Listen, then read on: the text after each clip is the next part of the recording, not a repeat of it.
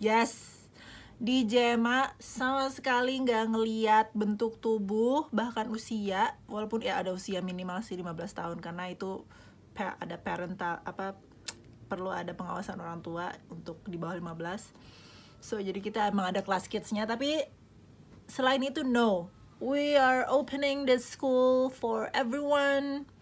Jadi mau kamu ngerasa gemuk mau kamu ngerasa pendek mau kamu ngerasa um, I don't know tua. Karena menurut aku gemuk pendek tua itu beautiful.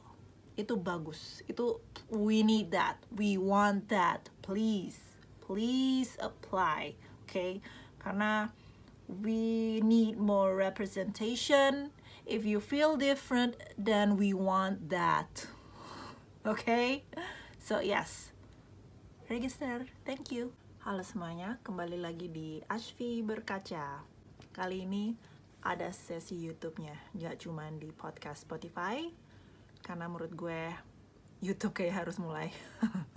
Akhirnya sebenarnya harusnya dari dulu sih. Cuman what the hell just do it you know do it do it right now. Dan audio dari uh, YouTube ini juga akan ada di Spotify podcast. So aku juga harus say uh, welcome untuk teman-teman yang dengerin di Spotify podcast Asfi berkaca. Alhamdulillah ya bahwa Jakarta Models Academy jadi kayaknya cukup dikenal dan yang follow banyak banget. Nggak tahu mungkin uh, relatif ya banyaknya. Gue malu mungkin beda cuman jadi banyak lah pokoknya daripada biasanya jadi rame dan banyak yang tanya soal sekolah modelingnya. Dan tapi beberapa yang masuk pertanyaan-pertanyaan itu adalah pertanyaan-pertanyaan insecurity. Ya seperti biasa. Makanya gue juga bikin soal insecurity di IGTV nanti gue juga taruh deh di YouTube. Pertanyaan-pertanyaan yang entah kenapa setiap orang yang mau sekolah modeling tuh harus ada pertanyaan-pertanyaan tinggi segini boleh nggak? Uh, kalau misalnya gendut gimana? Atau atau yang ini yang menarik dari Twitter itu Anissa I Kartika An, An, Anska pada tanggal 7 Juni Kak aku tertarik buat ngulik JMA-nya tapi aku plus size kalau orang Indo bilangnya gendut. Hehe. Is it okay? So ini adalah pertanyaan-pertanyaan umum diterima oleh instansi modeling di mana pun. Termasuk di dunia fashion di mungkin uh, editorial or something like this uh, someone who wants to be a model pasti menanyakan hal ini. Mereka langsung lihat ke tubuhnya sendiri dan ngejudge diri sendiri tapi butuh acceptance juga dari industrinya. So gue mungkin akan breakthrough ini semua secara komprehensif ya. Kan karena setelah gue pelajari dan langsung terjun ke industrinya sendiri fashion is really politics. Fashion is highly political Fashion is about religion, lifestyle, spirituality, social life. It's about well-being, and it's about body positivity. Jadi, I think this is why I love fashion. I don't know. Gue terjun dunia fashion merasa sangat relate. Walaupun gue basicnya arsitektur, tapi gue seneng design, graphic design. So, jadi gue masuk ke fashion di area marketingnya, di area modelingnya juga tentunya yang di Twitter gue balas nih ini penting banget dibahas seputar body positivity di dunia fashion. I'll try my best to make it a thread ya. Dan setelah gue nulis ini semua threadnya ternyata tidak cukup dan terlalu lama diketik uh, dan gue lelah. Terlalu banyak pekerjaan hal lain. Jadi gue pengen bikin ini jadi video aja dan semoga setiap ditanya hal ini gue cukup uh, ngasih link ini. Ya jadi gue balas kayak gini. Jadi memang di dunia modeling pada masa yang lampau gue akui menumpuk banyak dosa dalam menentukan standar kecantikan masyarakat umum dengan berlomba-lomba menampilkan wanita cantik pada majalah dan lain-lain. Tentu dengan banyak editing Photoshop. Ada masanya ya dulu selalu pasti edit Photoshop. Kalau kita lihat majalah belum you know, we don't know social media like today. We just saw pretty girls on the magazine. Padahal pasti ada editing Photoshopnya. Tapi walau ini nggak semua ya karena beberapa juga go natural and all that gitu. Natural lighting and everything. Jadi kadang-kadang tergantung taste sama mood dari si production timnya gitu tapi memang umumnya ada proses editing walau sedikit ya karena itu emang proses marketing lah biasa kan kita we want to sell something so we have to kind of like looking really good to be able to um, give the people the best effort visually. Padahal model in real life sendiri ya, mereka juga manusia biasa yang banyak kekurangannya. Model juga punya selulit, model juga punya uh, walaupun kurus, uh, walaupun berotot, kadang-kadang bloating gitu ya. Kadang-kadang perutnya juga mm, you know water retention biasa perempuan kan selalu ada siklus menstrual ya yang di mana sangat hormonal sekali mengalami yang namanya bloating, cramps, water retention, dan stress, you know, banyak banyak hal yang mempengaruhi tubuh kita sebagai wanita ini benar-benar goddess temple yang you know dari kita remaja dari kita kecil sampai kita dewasa mungkin ada yang udah punya anak uh, menyusui abis itu beberapa anak lagi gitu. Jadi it's really magical you know our body. Banyak hal-hal yang emang secara natural itu kita harus appreciate gitu. Atau kadang-kadang jerawatan model juga jerawatan nggak terus nggak selalu lembut, uh, lembut cerah mukanya gitu. uh, kulit kering kalau gue termasuk yang kulit kering ya dan kadang-kadang suka ada pecah-pecah gitu loh kulit pecah-pecah di hidung gitu. Kalau gue kurang minum gue kurang moisturize itu pasti pasti kena tuh. Malah gue pernah terluka karena cuman dipakein brush buat blush sama makeup artist. Padahal sama model lain brush itu aman ya. Tapi di muka gue langsung kebeset luka. Pakai brush doang gara-gara kulit gue sekering itu. So we're not perfect ya model. Model is not perfect um, and it seems like we are perfect because it's kind of the industry are uh, driving these models to look perfect jadi entah pada tahun berapa yang saat itu disebut kekurangan, pada tahun itu itu semua disebut kekurangan. Apa kulit bahkan zaman dulu kulit gelap pun dibilang uh, kekurangan ya. Ini masih sampai sekarang loh, masih sampai sekarang. Walaupun beberapa udah mulai menunjukkan aslinya. Bahkan ini gue dulu juga ini freckles gue dulu tuh dianggap noda hitam yang mengganggu banget untuk industrinya sendiri loh padahal jadi gue pernah di masa bekerja sebagai model uh, makeup artist nganggep bintikan gue tuh sebuah halangan yang besar untuk menjadi model. But it turns out today people are competing, you know, trying to get this freckles and then uh, beberapa malah bikin filternya. Ngomongin soal filter, gue juga pengen bikin filter. So iya ada ada masa-masa kayak gitu ya, masa-masa yang se mungkin sebelum sosial media yang di mana model tuh emang harus punya standar tertentu bahkan model sendiri loh bukan untuk masyarakat umum jadi masyarakat terbiasa dengan doktrin yang namanya wanita cantik ya yang ada di majalah atau panggung runway gitu. Ya gua pun termasuk yang terkena doktrin itu ya. Gua akui saat itu gua ya di masa merasa nggak bisa karena gua waktu itu pakai jilbab ya. Tapi gue bisa gitu loh dengan dengan segala keterbatasan dan gue ngerasa uh, I can make I can change the culture change the standard the beauty standard dengan skill-skill yang emang gue asah sendiri. Educate myself in a way how to approach this modeling everything. Jadi dulu pernah ada kasus industri fashion Europe saat itu bikin standar baru yaitu saat di mana ada model yang meninggal gara-gara anoreksia dan bulimia antara itu. Tapi istilahnya ada di masa industri fashion tuh sangat menuntut modelnya untuk kurus kering tulang bener-bener um, apa ya istilahnya karena baju-baju yang diproduksi saat itu sama desainer emang pengennya kayak manekin bener-bener boneka manekin yang dari pabrik itu tapi nggak hanya itu muncul di di masyarakat kita yaitu fat phobia atau ketakutan pada kegemukan atau ketakutan berlebih pada uh, lemak gitu. Jadi kayak takut sama yang namanya fat. Nah sehingga fat tuh bener-bener dikambing hitamkan jadi sesuatu yang hal yang sangat buruk banget. Itu nggak hanya di beauty industry tapi juga kena di industri pangan. Di mana akhirnya segala produk yang dilabeli fat free atau low fat itu dianggap sehat atau bikin tubuh kurus gitu ya. Padahal tanda kutip label-label dibalik label-label low fat atau fat free less fat itu semuanya sugarnya tinggi loh gulanya tinggi banget. So sebenarnya nggak nggak ada itu nggak ada fungsinya sama sekali sih. Cuman bener-bener label supaya masyarakat mau beli aja sih. So fat is not the enemy. Tapi sebenarnya fat itu secara di dunia keto ya fat itu it's really good.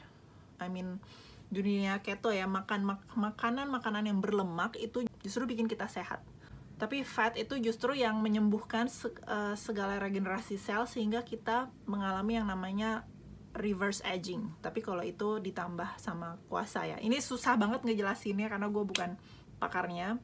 Tapi mungkin semoga lo dari sini pun bisa belajar bahwa lo bisa mulai memandangnya yang namanya fat. Itu is not the end of the world.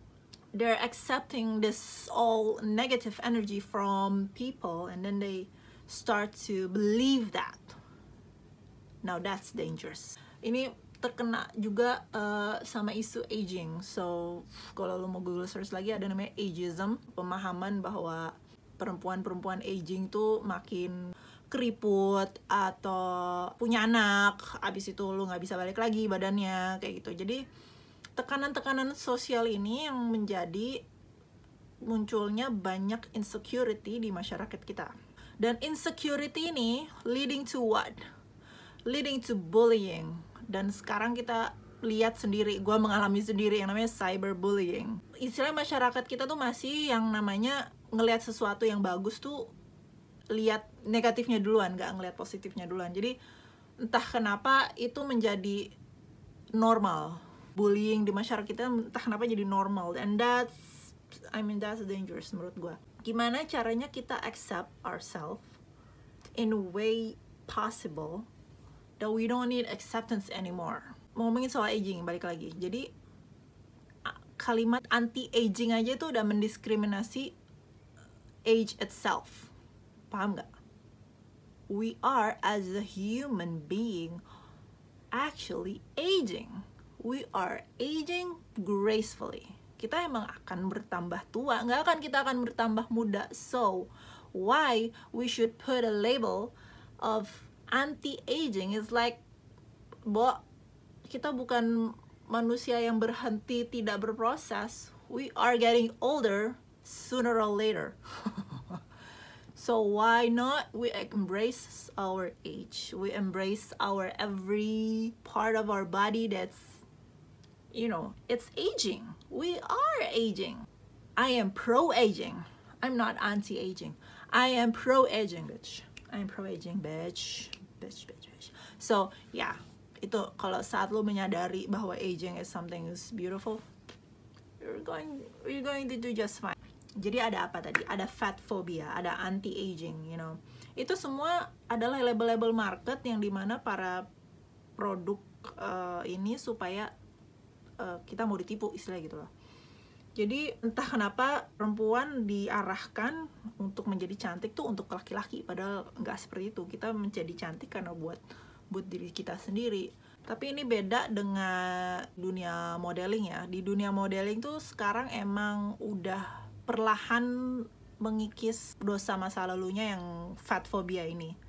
Tapi kita tetap punya standar, tetap jaga kesehatan dan tetap uh, exercise-nya on track. Di dunia dietitian and nutrition, gue memahami, gue mempelajari dari mereka juga bahwa sesungguhnya body kita kan sering yang ngeliat cewek lain atau cowok lain mungkin di kalangan cowok itu body goals gue itu body goals gue gitu loh. Padahal it's useless to have a body goals karena setiap badan itu masing-masing berbeda dan kalau kita selalu pengen ngerjarnya apa yang orang lain punya apa yang badan orang lain punya we're not going to be able to be happy.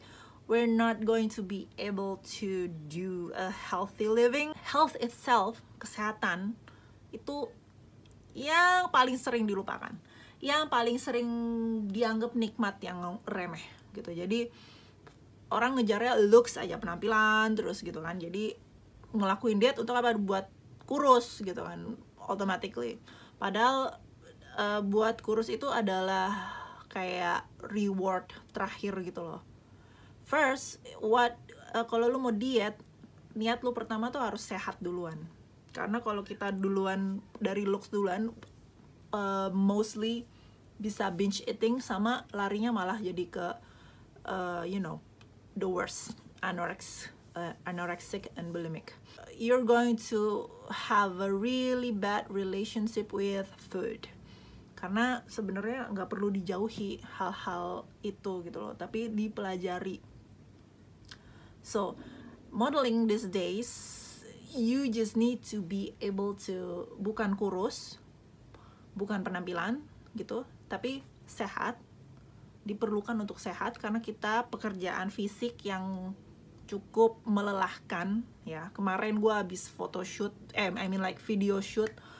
Boy it's really it's really hot and it's I mean like lu ganti baju beberapa kali dan lu harus pose non-stop. It's really tiring but you know it's a professional work and I like my job so I enjoy it. It's really my passion. It's important to know that you are happy with your body first and then if you want to make a difference about your body you have to know about the inside first the guts first. Uh, nih orang-orang organ di dalam tubuhnya ada yang sehat nggak gitu. Yang dikejar adalah kesehatan. Health is number one apalagi di zaman covid kayak gini ya. Number one imun dan iman number one. Tapi memang itu soal bahasa ya soal bahasa, pemakaian bahasa. Di dunia fashion, modeling akan kena yang namanya you are being judged by looks. Itu udah pasti kena di dunia modeling. But you have to understand what they are doing is describing your looks, not judging. Describing, mendeskripsikan.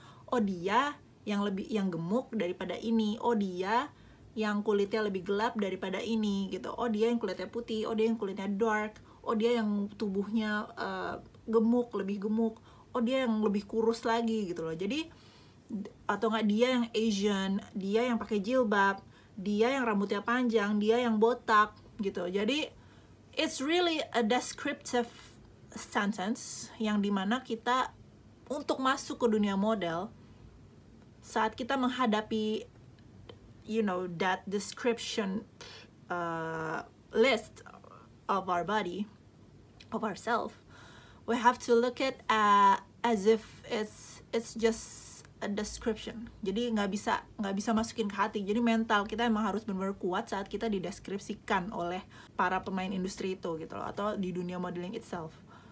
Gitu. Jadi uh, harus bukannya diminta harus terima bukan. Tapi harus bisa kita mentranslate ke arah yang emang bebel gitu emang emang nggak peduli gitu agak nggak peduli dikit agak masa bodoh gitu loh. Jadi kita lebih kuat ngadepinnya.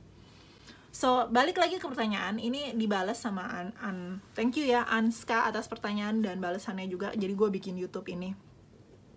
Jadi bullying pada perempuan-perempuan bertubuh sital ya kak. Banyak sih. Yang gemuk juga jadi obses buat kurus karena ya lain faktor citra media. Sayangnya brand fashion retail banyak yang nggak sedia size aku.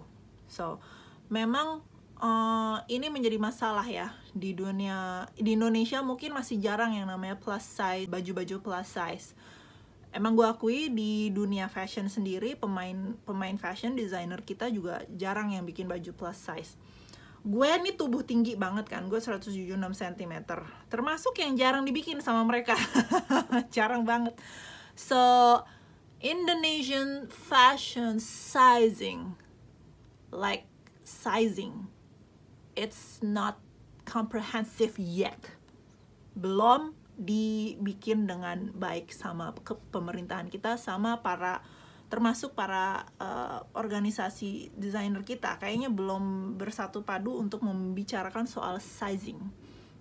Padahal itu penting gitu kan. So ya semoga ini menjadi masukan ya Anas Anska. Dan satu lagi ya satu lagi.